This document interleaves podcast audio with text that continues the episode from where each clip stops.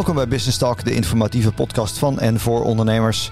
Mijn naam is Dennis van der Voort, mijn co-host is Vincent Breedveld. En Vincent, wie is onze gast van vandaag? Dennis, onze gast is Steun Pauw, advocaat gespecialiseerd in merkenrecht. We gaan het hem hebben over alles wat jou, met jouw werk, merk te maken heeft. Teun, je bent naast advocaat ook een erkend merkengemachtigde. Wat is dat eigenlijk, dat laatste merkengemachtigde? Nou, dat is een, goede vraag, eh, Vincent. Een, een, merkengemachtigde is geen, uh, is geen eh, beschermde term. Eigenlijk mag iedereen zich merkengemachtigde noemen. Ehm, maar zoals dat dan vaker gaat, is er een branchevereniging opgericht.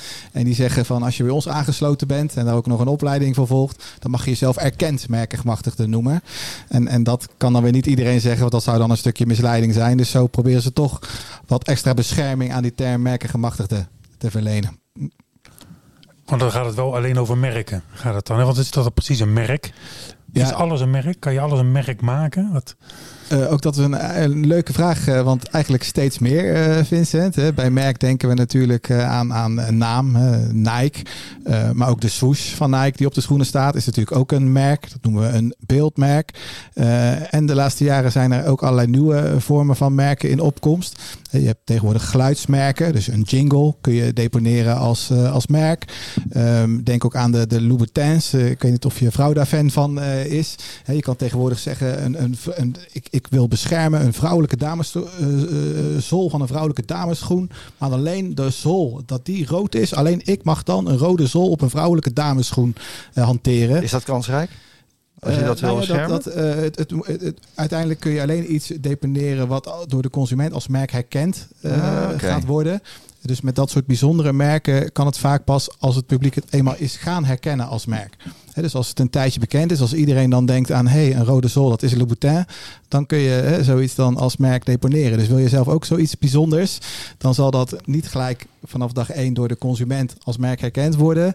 Uh, maar op het moment dat jij daarin uh, geïnvesteerd hebt en het wordt in de markt uh, bekend dat jij een bepaalde kleur voor, voor iets, een gek product of op een bepaald onderdeel van een product uh, hanteert, dan kun je dat vastleggen en zeggen, hey, voortaan mag alleen ik een, een, een gele driehoek op de zijkant van een auto zetten. Of ja, dus het is niet beperkt ja. tot woorden. Hè? Nee, nee, precies. Dat is inderdaad. Uh, en ook uh, multimediale merken heb je tegenwoordig. Dus bewegingsmerken, waarbij je dan een, een, een ja, een, een cartoon of iets, wat, wat dan uh, wel ook weer kort het moet zijn. Het moet opgevat kunnen worden als een merk. Maar ook daar zijn heel veel mogelijkheden ontstaan de laatste tijd. Ja. Dus, en je, je noemt dat het een mooi voorbeeld hè, met schoenen. Uh, want dat, daar is dus internationaal heel veel in geïnvesteerd. En inderdaad, iedereen weet dat waarschijnlijk wel van die rode zolen. Dat, dat is dus iets bekends. Um, maar hoe, hoe, krijg je dat nou voor elkaar? Zeg maar, nou heb ik in Nederland een leuke schoen ontwikkeld. En kun je daar dan ook wat mee? En, en hoe krijg je dat dan internationaal voor elkaar? Dat iedereen dat erkent? Want er komt nog steeds, uh, het, het, ik zie het elke zomervakantie weer gebeuren. De douane weer met filmpjes in de reclame. Koop geen spullen in Turkije, Tunesië of China. Of nou ja, ik noem maar even een paar landen. Hoe werkt dat dan? Hoe, je bedoelt van... Uh, hoe, hoe, bewaak je dat, dat, dat, dat intellectuele eigendom van jouw merk? Ja, daar zijn allerlei uh, manieren voor. Hè. Sowieso, je kan, uh, je, je, want je hebt het nu over counterfeit. Hè. Dat is dan echt dat, gewoon een identiek merk. Iemand heeft een nep al verloren. En, en uh, hè, daarvoor kun je, als je dat counterfeit wil tegengaan, dan kun je met de douane samenwerken. Dan kun je hè, de douane jouw merk laten zien en een paar echtheidskenmerken opgeven. Mhm. Er zit een heel spel achter, want je wil als merkhouder niet alle echtheidskenmerken afgeven. Want dan, gaat, dan gaan de, de boeven daar hè, gebruik van maken. Hè, maar als je een paar van die kenmerken meegeeft, dan kun je de douane oplijnen om dan bepaalde containers bijvoorbeeld uh, tegen te houden. En die, daar zit een hele procedure achter. Die container He, die wordt dan vernietigd tenzij de, de eigenaar van de container zich meldt en bezwaar gaat maken. Dus dat is hoe je bijvoorbeeld counterfeit, een manier om counterfeit aan te pakken. Um, maar je hebt natuurlijk ook merken die, die niet identiek zijn, maar een beetje erop lijken. Merken die bewust gaan aanhaken bij bekende merken. en daarvoor kun je bewakingsabonnementen afsluiten. Dat doen wij ook. Wij bewaken de merken van onze cliënten. En als er dan een merk gedeponeerd wordt wat enigszins lijkt op een merk van een van onze cliënten, dan krijgen wij daar een actieve melding van. En dan kunnen we met de cliënt bespreken van goh, vind je dit te veel of die van jou lijken, willen we daar wat mee? Of, uh, of, of, of, geloof je het wel? Soms is het merk lijkt wel, maar is het toch van hele duidelijke andere producten en is het niet zozeer een, een bewuste aanhaken dan laat je hem gaan. Soms zoeken partijen hè, de, ja, toch de, bewust, willen ze bewust aanhaken bij zo'n bekend mhm. merk in de markt. En dan wil je daar tegen kunnen optreden. Dus er zijn allerlei bewakings. Moet je nou altijd je merk registreren? Of moet elke willekeurige zelfstandig of ondernemer zijn bedrijfsnaam, zijn merknaam registreren? Of is dat eigenlijk niet zo heel belangrijk? Ja, dat is een, een, terechte vraag. Ik, ik probeer dat ook altijd met alle relativering met mijn klanten te bespreken. Hè, want uh, er zullen heel veel bedrijven zijn die als ze nooit iets geregistreerd hadden, nooit een probleem eh, zouden hebben, hebben, hebben gehad. Maar ik heb natuurlijk in mijn praktijk juist die zaken waar je heel blij bent dat je wel een merk hebt, omdat je dan een boef hè, kunt aanspreken. Dus uiteindelijk is het de kosten-baten afweging. Als jij een grote club bent en je bent uh, internationaal actief, ja, een, een, een, Benelux-merk heb je voor een paar honderd euro, een EU-merk uh, voor, voor net ietsje meer, maar dan heb je tien jaar bescherming. En ja, dan, dan is het pennywise pound foolish om dat niet te doen. Voor de bakker op de hoek, ja, met een merk kun je ervoor zorgen dat iemand aan de andere kant van het land ook niet jouw naam mag hebben. Maar hoe erg is dat? als, je, als je dat niet erg vindt, hoef je geen merk te hebben. Ja, ik, ik moet wil, uh, onwillekeurig denken aan niet zozeer aan de bakker om de hoek, maar wel aan de snackbar om de hoek. Namelijk Snackbar Wendy uit Zeeland. Uh, een, een zaak die het afgelopen jaar heel veel in het nieuws is geweest uh, stoere Zeelse snackbarhouder die het opneemt tegen een internationaal concern. Hoe, hoe, kijk je tegen zo'n zaak aan?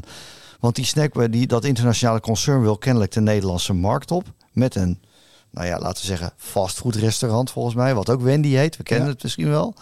Hoe, hoe duid jij zo'n zaak? Uh, als heel interessant.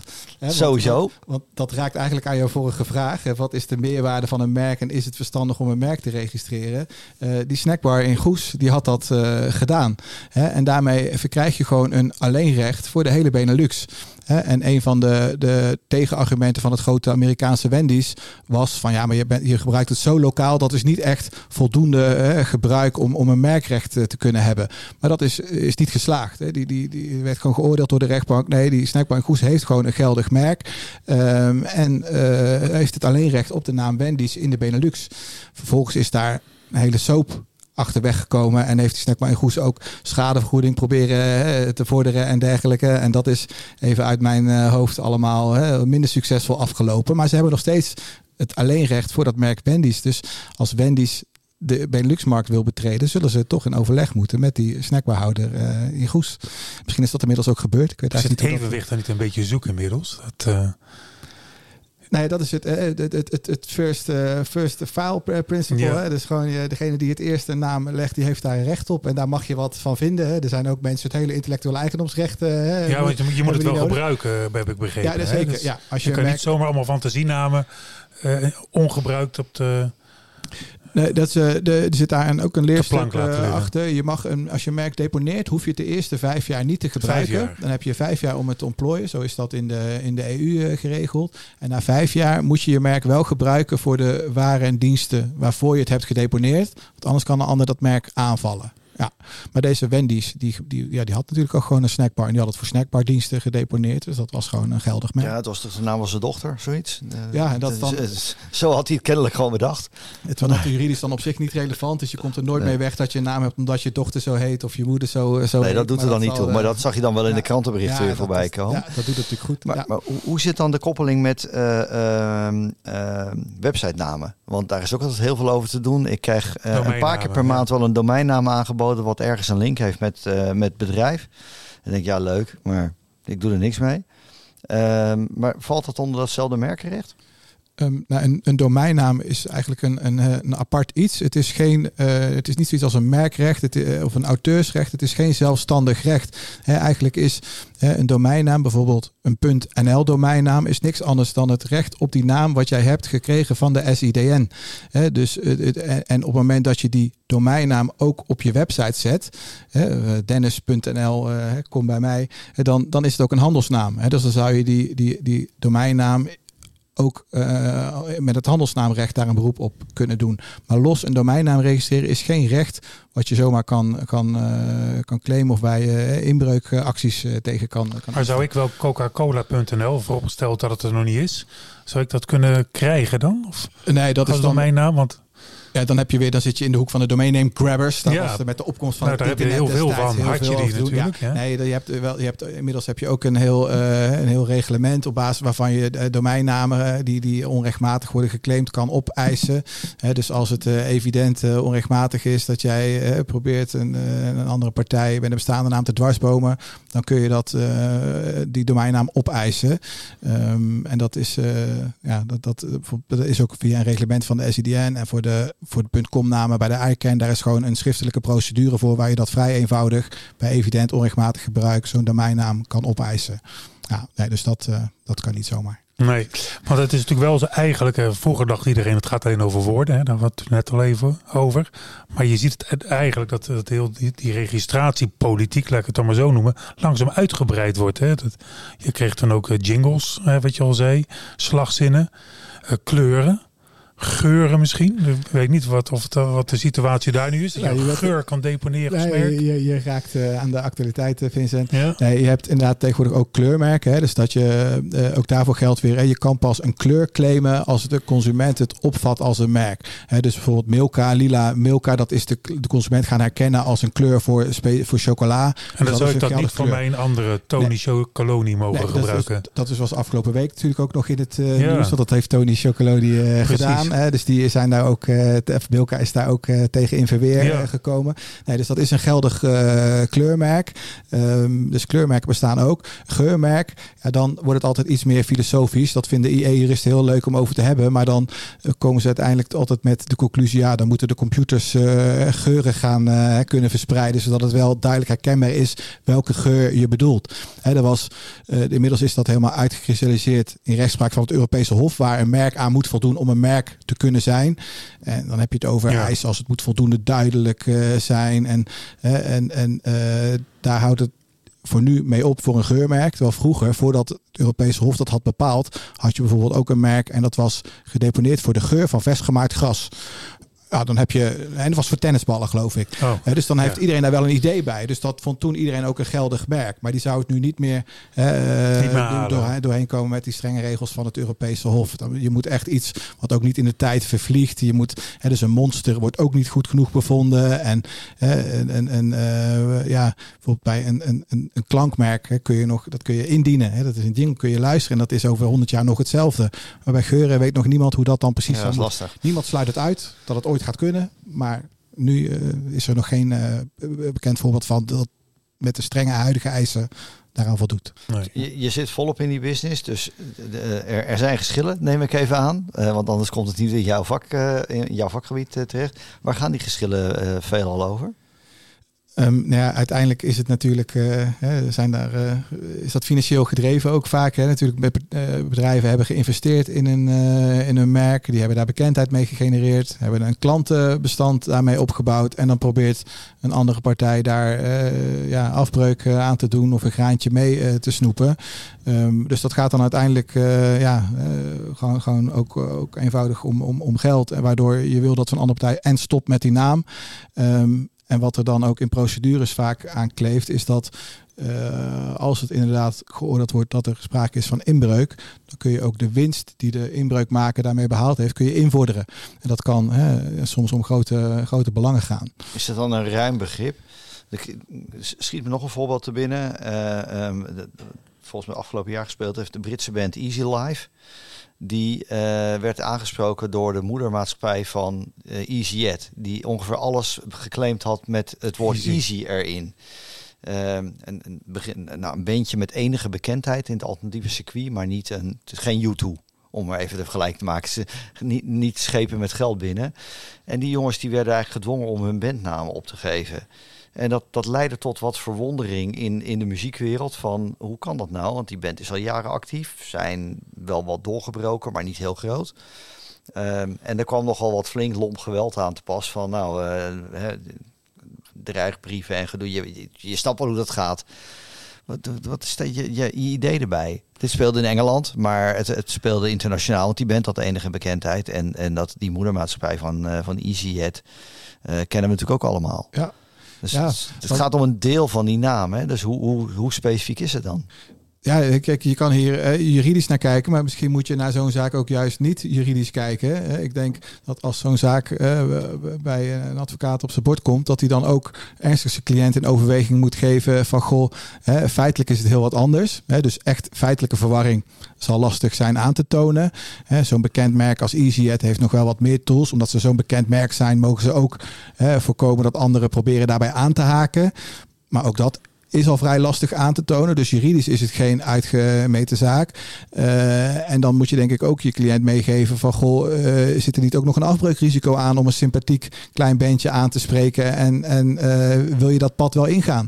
Hè, soms moet je als advocaat ook, ook niet juridisch denken... denk ik, om tot het beste advies te komen. Ik ken verder deze casus niet... maar die band is inderdaad gestopt met die naam? Of? Nou, dat was de aankondiging in het najaar van... ja, wij kunnen die strijd... we hebben gewoon niet het geld om die strijd te gaan voeren. Ja, dat kan ook dus we geven, we geven het min of meer op... Hoewel in de voorbereiding uh, voor de podcast heb ik er nog eens naar gekeken.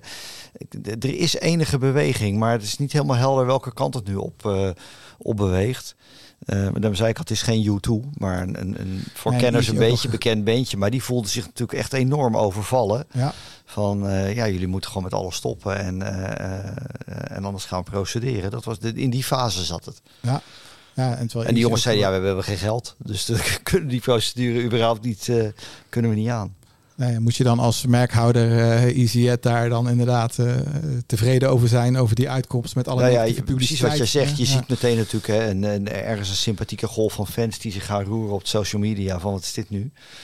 Uh, en dan heb je al, ja, is dat afbreukrisico? Nou, het is in ieder geval ruis. Ja, dus ik kan me voorstellen dat er wel wat gekke memes en, en uh, ook een hoop negatieve, grappige plaatjes. Uh, nee, dat gebeurt natuurlijk. En, en, mensen spreken natuurlijk de oprichter gelijk aan, want die heeft ook vast wel ergens een Twitter-account. Dus je, je, ziet hoe dat dan gelijk als een soort olievlek gaat, gaat lopen.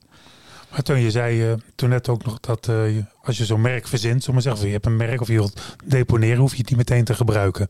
Je kan het vijf jaar op de plank leggen. Nou, Dennis, die heeft een bedrijfskundig adviesbureau. En uh, onder de naam Kien. Zou je hem adviseren die naam Kien daarvoor als merk te deponeren? Want Dennis heeft het nu als handelsnaam, neem ik aan. Zeker. En nog een hele, er zijn nog een heleboel andere handelsnamen onder de BV, uh, dit is er één. En uh, misschien is dat ook een afweging uh, van hoeveel het kost. Misschien kan je daar wat over zeggen. Wat zou jij in het algemeen adviseren? Ja, we, hadden het er aan het begin al even over. Hè. Het is ook, er zit een kostenbatenafweging aan vast. Als, als nooit een andere partij zich ook zo gaat uh, noemen, dan heb je jezelf uh, je merk niet, uh, niet nodig. Want je hoeft er dan ook nooit een beroep op te doen. Maar hoe vervelend zou je het vinden als het wel gebeurt, omdat het iemand is die net mindere kwaliteit levert dan jij, of, waardoor je, je naam te grabbel wordt gegooid. En als die situatie zich voordoet, dan wil je wel over een merk kunnen beschikken. Ehm, nu weet je nog niet of je in de toekomst ooit een probleem zal hebben. Dus dan is het de kosten kosten-batenafweging. En dan moet je voorstellen, zo'n Benelux-merk. Bijvoorbeeld, hè, als je tot de Benelux wil beperken, ja, dat nou, kan. Ja, de, de, de kosten hangen af van het aantal klassen, maar dat is uh, tientjes uh, werken. Voor, je moet een tax betalen van een paar honderd euro voor het, aan het Benelux-bureau. En dan een paar honderd euro voor, de, voor het werk om het te, te laten deponeren als je het laat doen. En dan ben je voor, voor, uh, voor, voor rond de 700, 800 euro kun je klaar zijn. Dan heb je je merk voor 10 jaar beschermd. En dan, maar dan bescherm je alleen de naam of ook het beeldmerk? Uh, dat is een, een, terechte vraag. Een, een, een, woordmerk en een beeldmerk zijn twee verschillende zaken. dus als jij Keen als onderdeel van een logo deponeert, dan staat daar het woordelement Keen in. Maar dan noem ik het een beeldmerk. Mhm. Ehm, en dan komen we weer terug bij die regel. Je moet een merk gebruiken zoals gedeponeerd. dus stel dat jij ooit jouw logo wijzigt, dan, dan komt er een moment dat jij al vijf jaar lang je merk niet meer gebruikt hebt. En dan kan het dus vervallen worden verklaard. Dus ik zeg altijd, begin in ieder geval met een woordmerk. en, dan, en wat is dan de meerwaarde van daarnaast een beeldmerk? Ja, dat als jij een heel bijzonder eh, grafisch ontwerp hebt van jouw logo, eh, dan kan het zijn dat een ander logo daarop lijkt, terwijl die een heel andere naam heeft. Ja, dan heb je je beeldmerk nodig om zo'n partij aan te spreken. dus, en, en wat is daar dan weer de meerwaarde van? Dat zal voor de een, misschien zal die dan zeggen, nee, dan hou ik het bij mijn woordmerk. Maar voor grotere partijen is het al snel heel zinvol en heel logisch om gewoon al je namen en logo's gewoon goed vast te leggen. Ja, want ik denk dat zo'n logo makkelijker is dan een woordmerk om het gedeponeerd te krijgen, of is dat niet zo? Nou, niet per se. Hè. Als je gewoon een fantasienaam hebt, dan, dan is dat gewoon heel makkelijk te deponeren. Alleen aan woordmerken kunnen wel uh, aspecten kleven als in dat het te beschrijvend uh, is bijvoorbeeld. Dan wordt een, uh, kan een merk worden, worden geweigerd. Um, dus dat, dat, dat kleeft iets anders aan. En, en daar hoort ook juist weer een trucje bij. Als je een hele beschrijvende naam uh, hebt, dan zal het als woordmerk geweigerd worden. Maar als onderdeel van een logo krijg je het weer wel ingeschreven. En dan komt er feitelijk geen bescherming toe aan die woordelementen, aan die naam. Maar je staat wel in het register. Ja. want ik doe ook heel vaak beschikbaarheidsonderzoekjes voor mijn uh, cliënten. En dan ga je kijken, kan die naam wel gedeponeerd worden? Als een andere partij dat ook doet en die staat dan op jouw logo, dan, dan zegt hij tegen zijn cliënt, hey, die naam bestaat al, misschien moet je wat anders willen. Dus op zo'n manier heb je toch een stukje verkapte bescherming om een beschrijvend woord, om daar toch bescherming voor te krijgen door zo'n beeldmerk. Dat is een trucje wat veel merkgemachtigden toepassen. Waar ik nog wel een beetje bang voor zou zijn, is dat als ik een redelijk eenvoudig woord zou willen deponeren, dat lukt, dat opeens iedereen over je heen valt. Dat je denkt, oh god, was ik er maar niet aan begonnen? Of komt dat niet voor? Nou ja, op, op zich, de merkregister is openbaar, maar alleen partijen, alleen belanghebbenden zullen daarnaar kijken. Hè? Dus alleen partijen... Ja, maar die, die ga je dan wel aanschrijven, dat jij dat niet mag ja, of je bedoelt qua, de, qua de, de, de, Charlie Hebdo-achtige zaken. dat het dingen uit de, uit de actualiteit die gedeponeerd worden. Ja, daar komt dan vaak veel, uh, veel uh, achterweg inderdaad. Ja. Uh, ja. Nou ja, als je...